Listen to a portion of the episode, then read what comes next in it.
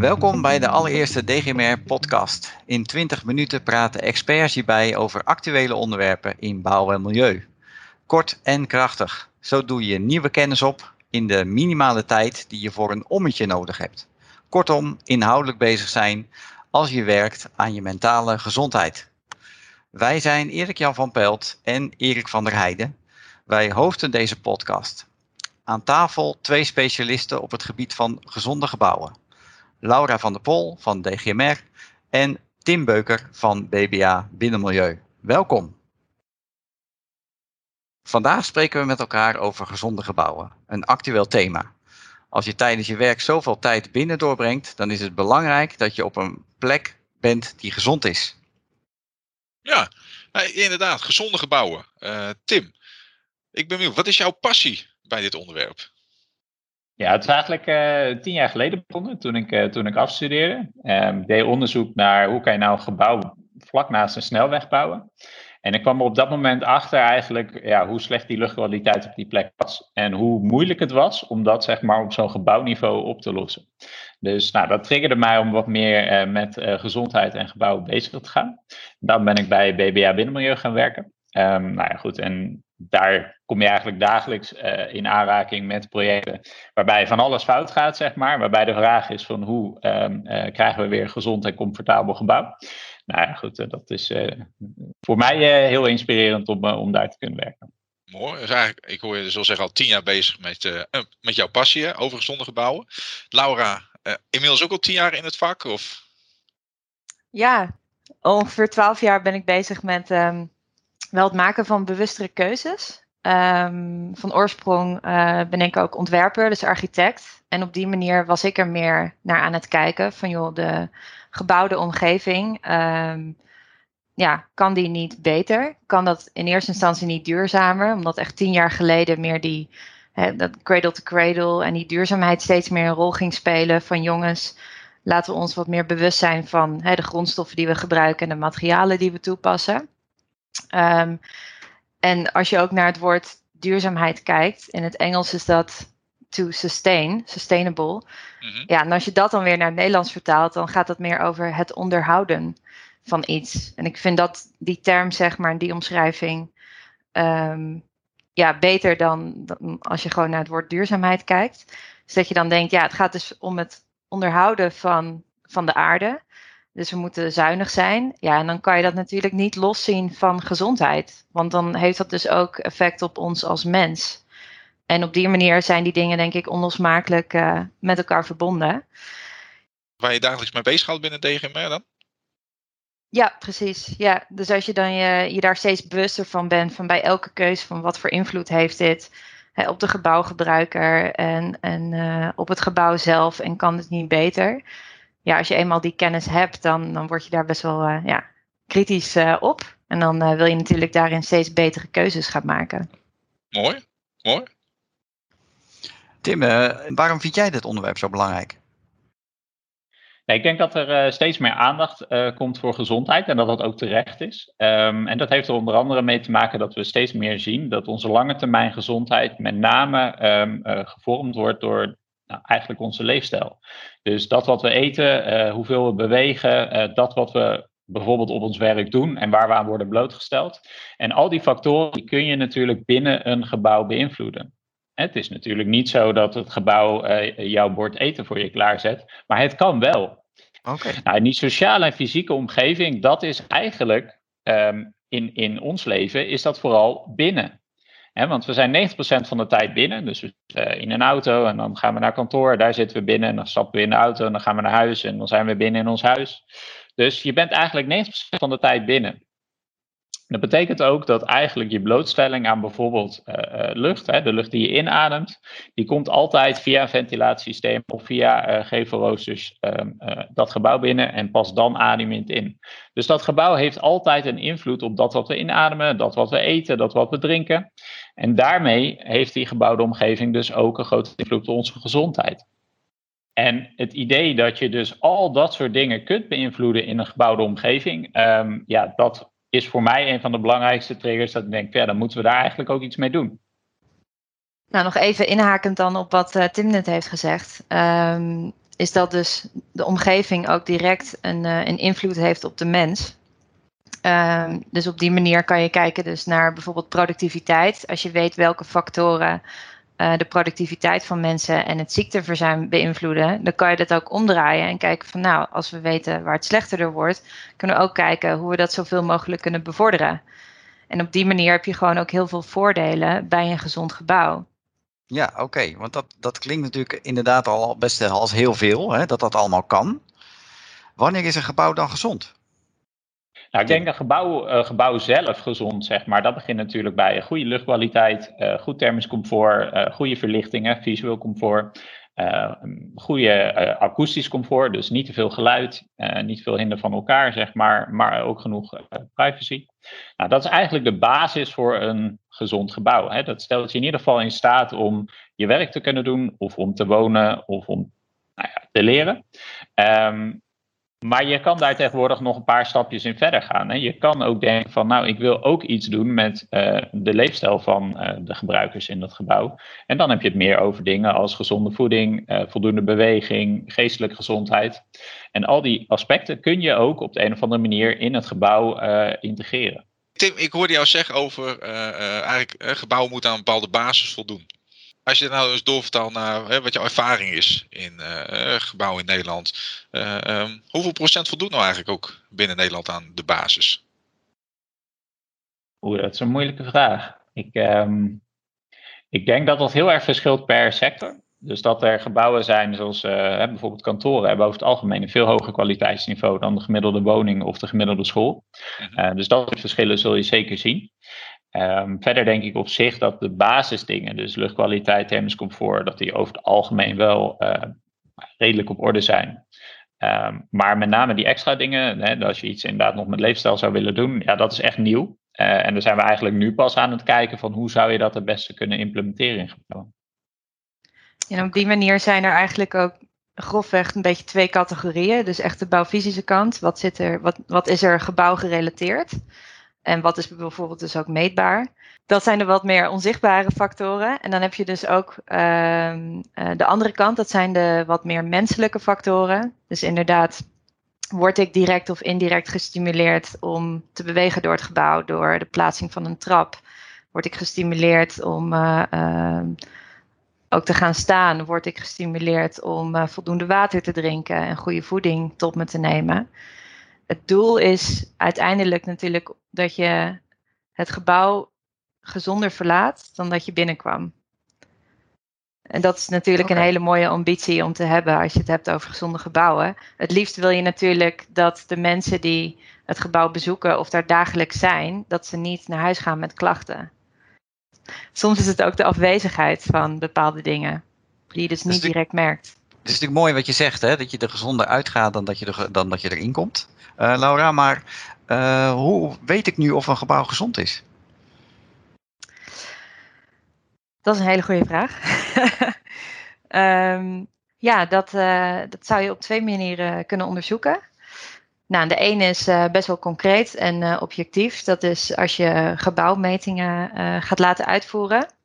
Dan kan je dus aan de hand van gebouwgerelateerde onderdelen gaan kijken van hoe hoog scoort het. Voldoet het aan de prestatienormen, zoals bijvoorbeeld lucht, binnenluchtkwaliteit, um, water, licht, uh, thermisch comfort en akoestiek bijvoorbeeld. En een andere manier om het te meten is om te kijken uh, naar een belevingsonderzoek. Nou, als het goed is, kun je zelf al uh, redelijk merken hoe je je voelt in een gebouw. Als je daar uh, dagelijks komt, dan, dan weet je zelf al een beetje.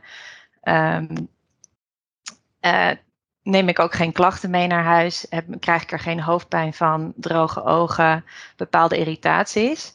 Als je je afvraagt van nou, ben ik hier de enige of hoe, hoe uh, kijken alle gebouwgebruikers hier tegenaan? En dan ga je dus ook echt um, specifiek de gebouwgebruikers om terugkoppelingen en dus feedback vragen van hoe hoog scoort het vanuit jullie beleving. En dan kan je dus ook naar die onderdelen kijken, maar dan kan je ook nog een stapje verder gaan daarin. Oké, okay, maar daar gebruik je dan waarschijnlijk een bepaalde methode voor. Van op welke, op welke manier werkt dat dan, uh, Tim?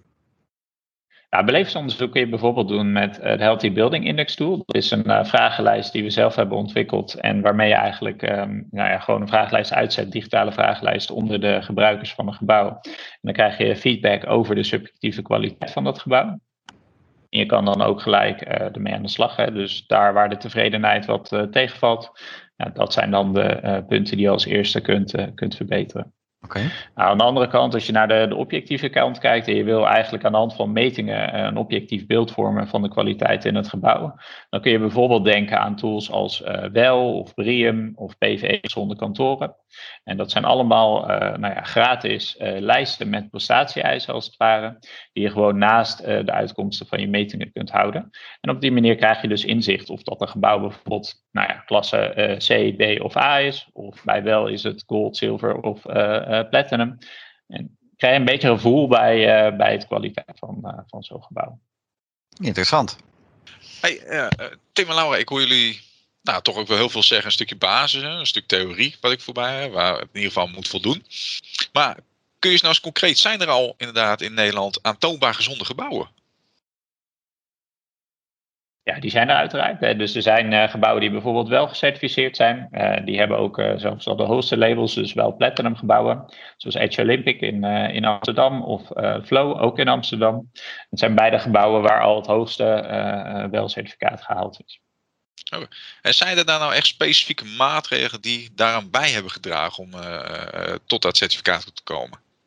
Zeker, zeker. Kijk, om te beginnen zijn dat natuurlijk kantoorgebouwen waar de ambitie van de opdrachtgever al heel hoog lag. Dus de basisdingen als uh, voldoende uh, ventilatie, goede uh, verlichtingsterkte, nou, dat lag allemaal op een klasse A-niveau bij wijze van.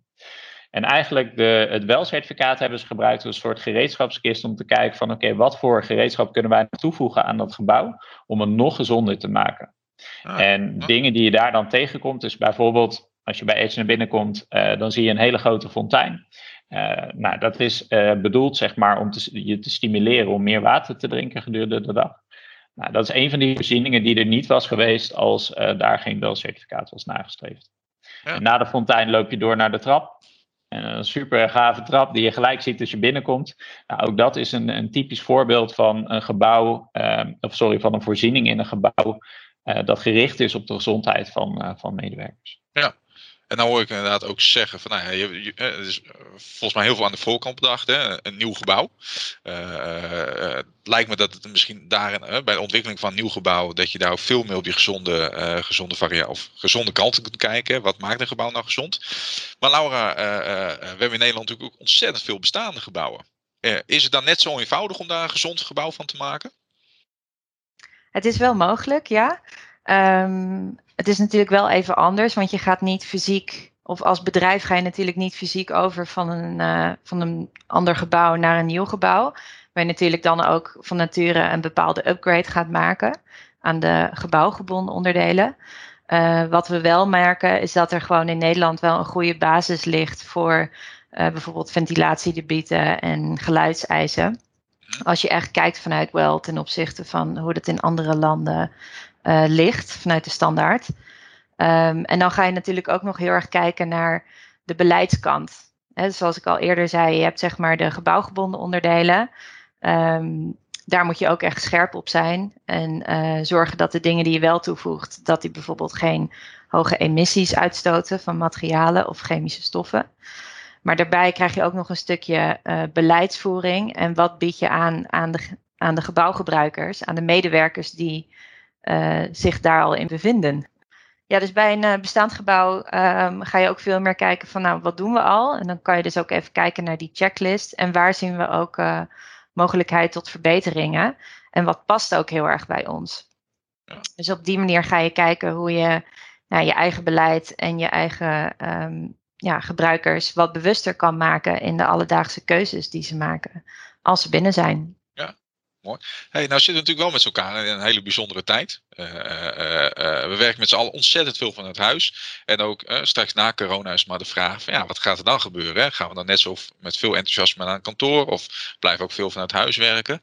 Um, als ik nou vanuit huis nu zit, hè, ik denk ik ga doorvertalen naar mijn eigen plek thuis nu. Hoe kan ik nou thuis een gezonde omgeving creëren? Ja, dat is denk ik een hele goede vraag. Ehm, ja, er zijn ook gewoon een aantal dingen waar je wel en niet uh, invloed op hebt. Je moet natuurlijk goed kijken van welke ruimte kies ik waar ik mijn bureau of waar ik mijn uh, tafel neer ga zetten. Um, ja, het liefst wil je natuurlijk dat bij een raam hebben waar je gewoon voldoende daglicht hebt. Waar je ook gewoon even een raampje open kan zetten voor extra ventilatie en gewoon naar de, hè, naar de, de blauwe lucht kan kijken, het liefst nog. Um, ja, en andere dingen, daar kan je ook wat creatiever mee omgaan. Zo hebben wij zelf ook collega's uh, gehad die uh, foto's stuurden van dat ze aan een strijkplank even stonden te werken. Dus dat je af en toe ook even afwisselt met of even een rondje lopen. Dat je in plaats van weer gaat videobellen, dat je je ommetje maakt, dat je wat meer beweging krijgt. Dat hebben we nu natuurlijk ook minder. Um, en dat je een beetje die afwisseling opzoekt. Nou, natuurlijk, uh, gezonde voeding hoort daar ook bij. Dus uh, ja, wat je in huis hebt liggen, dat ga je eten. Dus uh, probeer daar voor jezelf natuurlijk op te letten. Nou, ik hoor je veel mooie dingen zeggen. Uh, nou zijn jullie natuurlijk allebei experts hè, op het gebied van gezonde gebouwen. Het lijkt me ook wel, wel hè, dat zeggen ze altijd mooi, en verplegers zorgen altijd heel goed voor een ander, maar slechter voor zichzelf. Tim, hoe heb je nou je eigen thuiswerkplek ingericht? Hè? Kijk je nou ook heel kritisch hoe je dat zo gezond mogelijk kunt inrichten? Nou, bij mij lekt het ook aardig, om het maar even het antwoord op je vraag te zeggen. Ja. Nee, dus het kan inderdaad nog, nog veel beter. Um, maar ik, kijk, uh, ik ben er inderdaad wel mee bezig en ik ben me er ook wel bewust van. En um, een van de, de, de, grappige dingen die ik zelf bijvoorbeeld heb ervaren is van uh, tijdens de um, uh, zomerperiode als je dan thuis aan het werk bent, dan is het opeens wel redelijk warm binnen. En ik merk gewoon als ik dan naar kantoor ga, waar koeling is en, toch een stukje koeler is, dat ik gewoon een stuk productiever ben. Nou, en, en ik denk dus, um, ik ben dus voor mezelf meer bezig om een beetje te onderzoeken, zeg maar, van joh, wat zijn nou de verschillen en hoe groot ervaar ik zelf wat het verschil is. Um, meer dan dat ik uh, gelijk de optimale thuiswerkplek aan het maken ben. Leuk. Dus uiteindelijk hoor ik jullie ook zeggen, ook voor thuis kun je dus nog, is er zijn nog genoeg dingen te doen om ook thuis een gezonde werkplek te creëren, een gezond gebouw te maken. Mooi? Mooi. Nou, volgens mij uh, hebben we al heel wat uh, laten passeren. Um, Laura, heb jij nog een, een advies, een, een oproep of een boodschap voor de, voor de luisteraar waarvan zegt, hey, dit wil ik nog wel even meegeven als het gaat over gezonde gebouwen? Ja, ik denk dat we het afgelopen jaar uh, veel uitdagingen uh, hebben gehad. Dus het fysiek niet meer naar kantoor gaan en zelf ook natuurlijk ook uh, wat meer naar je mentale gezondheid kijken. Dus ik denk dat je zelf heel erg moet kijken naar wat bij jou past. En niet dat je jezelf dingen gaat opleggen die, die je maar één of twee weken vol kan houden. Um, dus ja, kleine dingetjes zijn, die heb ik zelf ook vaker geïmplementeerd. Dat ik gewoon twee keer per dag een ommetje ga lopen van 20 minuten misschien eens even iets meer de tijd ochtends nemen om een soort ochtendroutine op te bouwen. Um, zo ben ik zelf iets meer gaan kijken van, ik, beweeg niet meer zoveel. Hoe kan ik uh, mezelf stimuleren om af en toe wat vaker te gaan staan? Of ook eens even wat vaker weg te kijken van mijn scherm. Dat zijn nu dingen die ons heel erg opvallen, die we denk ik voorheen misschien uh, voor namen op kantoor. Dat was allemaal heel uh, normaal en alles werd um, ja, op een ideale manier uh, zeg maar aangeboden. Uh, dus kijk vooral heel erg wat bij jou past. En dat je het zeg maar op die manier in kleine stapjes misschien kan opbouwen. Ja, en als okay. het niet werkt, dan uh, heb je het geprobeerd. Ja, precies. En dan kun je weer wat anders eventueel uh, ja. proberen. Tim, heb jij nog iets toe te voegen daaraan? Ja, ik denk dat het belangrijkste advies is van kijk gewoon heel bewust naar jezelf, hoe je um, uh, je omgeving ervaart. En onderschat gewoon niet het effect van die omgeving op jouw gezondheid.